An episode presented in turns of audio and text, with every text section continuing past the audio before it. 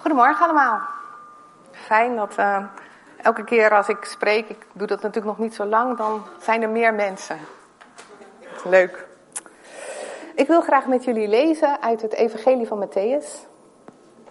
Het Evangelie van Matthäus, hoofdstuk 5. Ja. Dankjewel. Hoofdstuk 5, vers 14 tot 16. En daar staat, Jezus zegt, u bent, jullie zijn het licht in de wereld. Een stad die bovenop een berg ligt, kan niet verborgen zijn. En ook steekt men geen lamp aan en zet die onder een korenmaat, maar op de standaard. En hij schijnt voor allen die in het huis zijn. Laat, zo, laat uw licht zo schijnen voor de mensen dat zij uw goede werken zien en uw Vader die in de hemelen is verheerlijken. Het thema op deze evangelisatiezondag is Glowing in the Dark. En ik weet niet of jullie dat kennen, Glowing in the Dark. Ik heb een aantal insecten meegenomen. Die zijn behandeld met een speciaal pigment, uh, een soort kleurstof, waardoor deze insecten, en zo heb je allerlei spullen, uh, licht kunnen opnemen en het ook weer kunnen afgeven. En je laat ze op um, buiten in de zon of bij een lamp. En um, onze kleindochters die vinden dat een heel leuk spelletje. Dan maak ik de slaapkamer helemaal donker. We hebben van die verduisteringsgordijnen. En dan laat ik die insecten laat ik dan van tevoren op bij een lamp. En dan verstop ik die in die donkere slaapkamer onder het bed en uh, bovenop een kast en in een hoek. En dan is het natuurlijk heel leuk en heel spannend om die donkere slaapkamer in te gaan.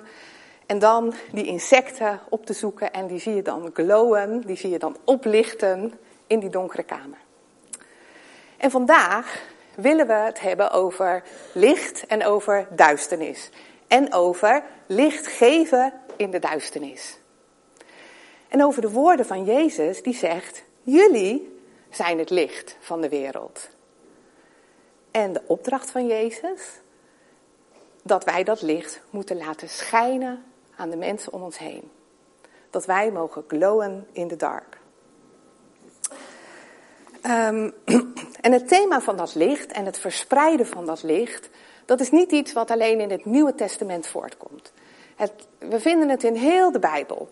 Eigenlijk begint het al in hoofdstuk 1, die eerste bekende woorden van Genesis 1.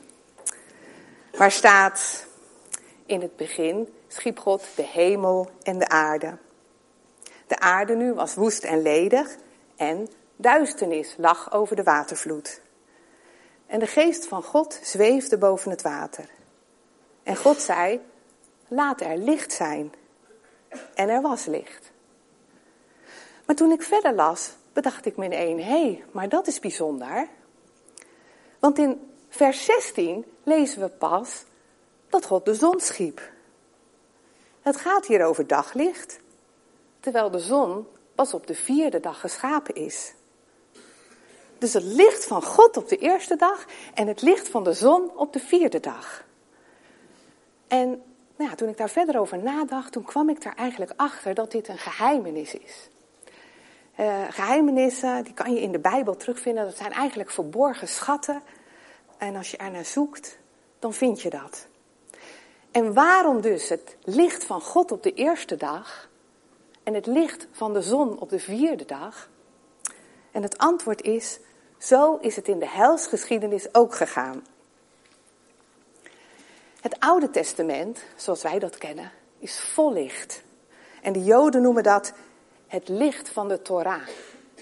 God heeft daar zijn gedachten ontvouwd over hoe de mens zou mogen of moeten leven voor zijn aangezicht. En de Torah verspreidt een geweldig licht over Gods gedachten in vele, vele vormen. Maar dan, in het Nieuwe Testament, verschijnt Heer Jezus ten tonele.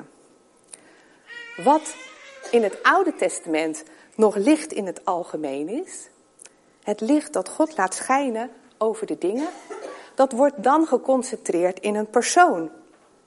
Een persoon die iets kan zeggen wat niemand anders nog had kunnen zeggen. Abraham niet, Mozes niet, David niet. Namelijk zoals we het vinden in Johannes 9. Ik ben het licht van de wereld. En daarmee is geestelijk gesproken de vierde scheppingsdag aangebroken. Het, het licht begint nu vanaf één bepaalde bron te komen. En dat is de zon. En dat beeld van de Heer Jezus als de zon, dat komen we tegen in het allerlaatste hoofdstuk van het Oude Testament. In Malachi 4. We lazen net het allereerste hoofdstuk. En nu wil ik graag lezen Malachi 4, vers 2, waar staat... Maar voor u, die mijn naam vreest, zal de zon der gerechtigheid opgaan. En onder zijn vleugels zal genezing zijn. Een prachtig vers. En ik kom er straks nog even op terug. Maar hier wordt de Heer Jezus genoemd de zon der gerechtigheid. En nog driemaal in het Nieuwe Testament wordt de Heer Jezus vergeleken met de zon. De eerste keer op de berg waar Mozes en Elia verschenen, de berg der verheerlijking. Dan straalde de Heer Jezus als de zon. En de tweede keer als hij verschijnt aan Saulus. Saulus schrijft in Handelingen 26. Ik zag midden op de dag een licht stralender dan dat van de zon. En de derde keer in Openbaring 1. Als de Heer Jezus aan Johannes verschijnt, staat er dat hij straalde als de zon. De Bijbel is in deze beelden dus heel duidelijk. De Heer Jezus is naar de aarde gekomen als beeld van de zon. Het is beeldspraak. En die beeldspraak gaat nog verder. Want in Johannes 9, vers 4 zegt Jezus: Ik moet de werken doen van Hem die mij gezonden heeft, zolang het dag is. Er komt een nacht waarin niemand kan werken. Zolang ik in de wereld ben, ben ik het licht van de wereld. Jezus zegt dus dat hij moet werken zolang het dag is. En zijn vader doet dat ook. Maar de nacht komt. En wanneer de nacht komt is heel duidelijk. Dat is als hij, die de zon in deze wereld is, zal zijn weggegaan. En dan breekt de nacht aan. En dat is de periode waarin wij geestelijk gezien nog steeds leven. En over die nacht zegt Jezus, jullie zijn het licht van de wereld. Nou zou je kunnen afvragen, heeft die dag dan maar zo'n 30 jaar geduurd en duurt die nacht dan nu al meer dan 2000 jaar? Maar dan neem je het denk ik te letterlijk.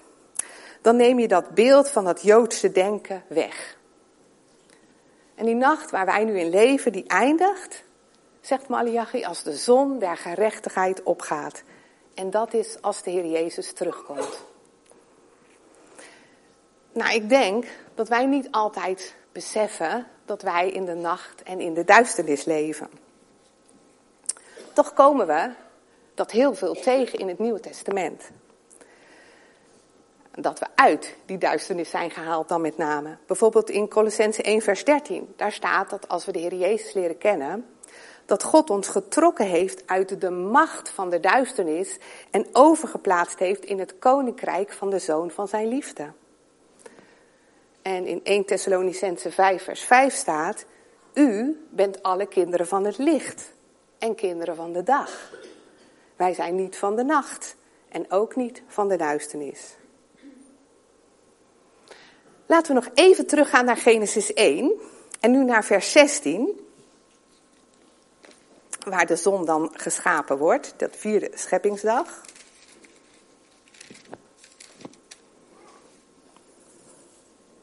Genesis 1, vers 16, daar staat: En God maakte de twee grote lichten. Het grote licht om de dag te beheersen en het kleine licht om de nacht te beheersen. Ook maakte hij de sterren. Er zijn er dus drie die beheersen of heersen, behalve de Heere God. Dat is de zon over de dag, de maan over de nacht en Adam en Eva over de schepping. En de maan is ook belangrijk in deze beeldspraak. We komen het niet echt in de Bijbel tegen, maar het beeld is eigenlijk voor, ligt eigenlijk voor de hand. Want, zoals we allemaal weten, heeft de maan geen licht van zichzelf. Als we naar de maan kijken in de nacht en we zien het licht, dan weten we dat de maan het licht van de zon weerspiegelt. Als we dus naar de maan kijken, dan beseffen we dat we eigenlijk naar de zon kijken. Want de maan vangt het licht van de zon op en weerspiegelt het naar de aarde. En hoe bijzonder is dat? Dat je dus in de nacht nog steeds het licht van de zon ziet, maar dan indirect. En ja, dat is zo'n prachtig beeld van de gemeente, van de christenen. Wij weerspiegelen het beeld van de Heer Jezus in de nacht, in de duisternis. En Jezus gebruikt het voorbeeld van een stad in het tekstgedeelte van vandaag. Als een stad op een berg. Als je wel eens in Oostenrijk of Zwitserland of een ander bergland op vakantie bent geweest, dan heb je het misschien wel eens gezien. Dan wordt het donker en dan valt de duisternis in en dan zie je daar langzamerhand bovenop de berg zo'n stad oplichten. Glowing in the dark. En dat ja, als beeld van de gemeente, waar de Heer Jezus zegt, waar twee of drie tezamen zijn, daar ben ik in hun midden. Hij is in ons midden vandaag. En wij mogen zijn licht weerspiegelen, weerkaatsen. En dat is de kracht van samen. Samen in Hem geloven, samen in hem, door Hem groeien en samen van Hem getuigen. Dat je hier misschien voor het eerst bent en dat je ook ervaart dat Gods licht in ons midden is. Of dat je misschien hier voor de honderdste keer bent. En dat je aangeraakt wordt elke zondag opnieuw door de aanwezigheid van de Heer Jezus in ons midden. Door iets goeds, iets echt, iets wat je nodig hebt om de rest van de week in te kunnen gaan. Maar op die vierde scheppingsdag is dan niet alleen de zon en de maan, maar werden ook de sterren geschapen. Heel leuk dat het net ook over de sterren gaat. Ging met het kindermoment. En je kan op twee manieren naar christenen kijken. Licht van Christus, dat door hem weerkaatst wordt in de wereld, zoals bij de maan en bij de stad. Maar je kan ook zeggen dat gelovigen sterren zijn. Filippenzen 2 heeft het over kinderen van God die schitteren als sterren aan de hemel. Want het licht van de Heer Jezus is in ons hart gaan schijnen toen we tot geloof kwamen en de Heilige Geest ontvingen. Want Hij is in mijn leven gekomen en daarom is Zijn licht ook in mij. We weerkaatsen het licht van de Heer Jezus niet alleen aan de buitenkant, het is in ons gekomen. Het is de liefde van God die in onze harten is uitgestort. We zijn zelf een lamp geworden. En het vuur van de Heilige Geest heeft ons aangestoken. En dat blijkt uit, uit 2 Korinthe 4 vers 6, waar Paulus schrijft. Want de God die heeft gezegd dat er licht moest gaan schijnen in het donker, heeft het licht in ons hart laten schijnen.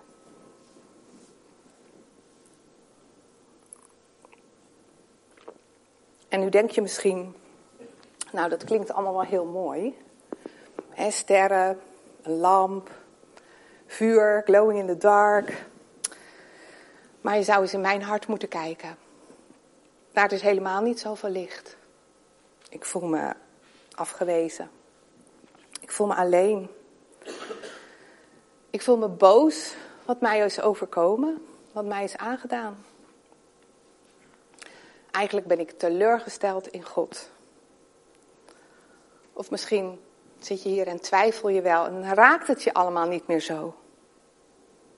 Of misschien zit je hier wel met je hart vol verdriet, omdat je pas je moeder bent verloren, of je vader, of je partner. Hoe kan ik het licht ooit laten schijnen? Jezus zegt in het tekstgedeelte van vandaag: Je steekt toch geen lamp aan om hem vervolgens onder een korenmaat te zetten. En een korenmaat is een soort grote mand waarin je koren kan afwegen. Maar dat doen we dus wel. We verstoppen ons licht. Omdat we ons niet goed genoeg vinden. Of we houden het voor onszelf omdat we ons gebroken voelen. In gebrokenheid leven. Laten we nog even teruggaan naar Malachi 4, vers 2. Waar we lazen. Maar voor u die mijn naam vreest, zal de zon der gerechtigheid opgaan. En onder zijn vleugels zal genezing zijn. Als het licht van de Heer Jezus in jouw leven komt, dan is dat licht van zijn gerechtigheid en van zijn genade. Als je jezelf niet goed genoeg vindt, bedenk dan. Jezus heeft jouw ongerechtigheden op zich genomen aan het kruis van Golgotha. En er is vergeving voor ieder die in hem gelooft. En als je je gebroken voelt, bedenk dan dat zijn striemen jouw genezing zijn geworden. Je mag schuilen bij hem in je gebrokenheid, schuilen onder zijn vleugels, zoals kleine kuikentjes veilig zijn onder de vleugels van hun moeder. Zo veilig zijn we bij Jezus.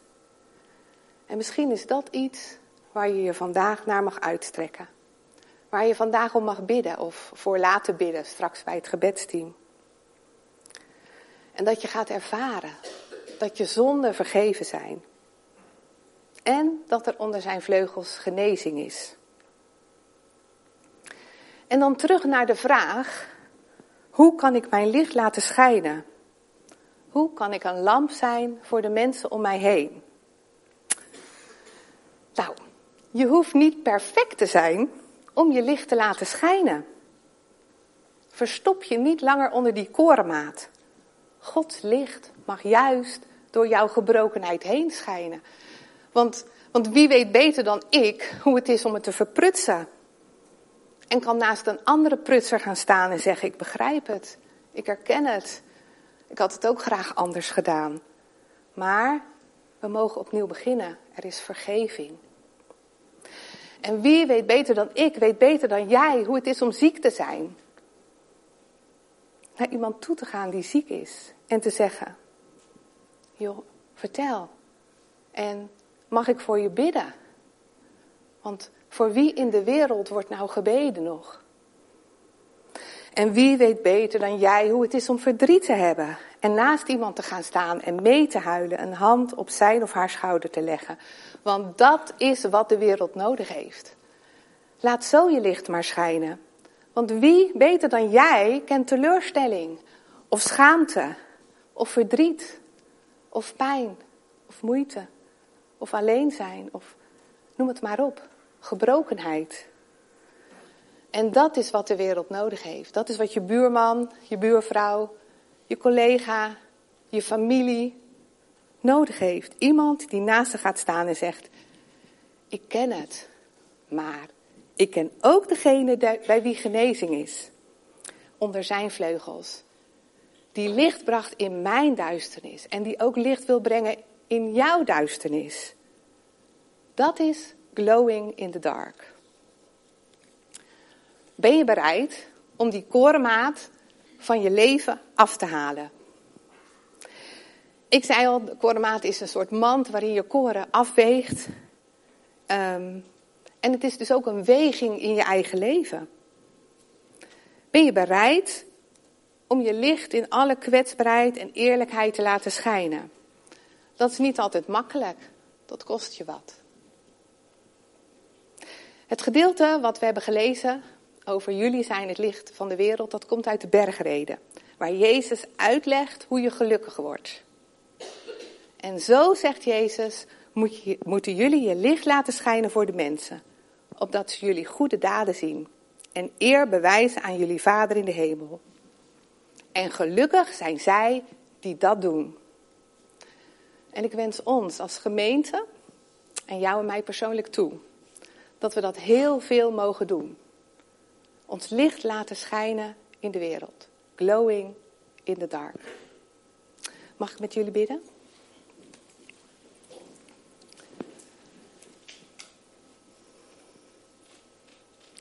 Vader in de hemel, dank u wel dat u licht bracht in ons leven.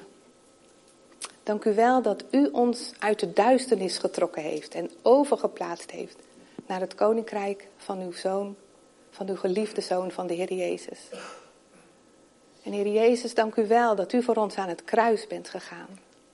Om al onze zonden en al onze gebrokenheid te dragen. En wilt u met uw licht komen in ons hart, deze ochtend, Wilt u ons aanraken, Heer? En wilt u ons dan helpen om de komende week ook uw licht uit te delen naar de mensen in onze omgeving? Dank u wel, Heer, dat, uh, dat uw Heilige Geest ons daarbij wil helpen. En dat we het van u mogen verwachten. Dank u wel, Heer, voor wie u bent. In Jezus' naam. Amen.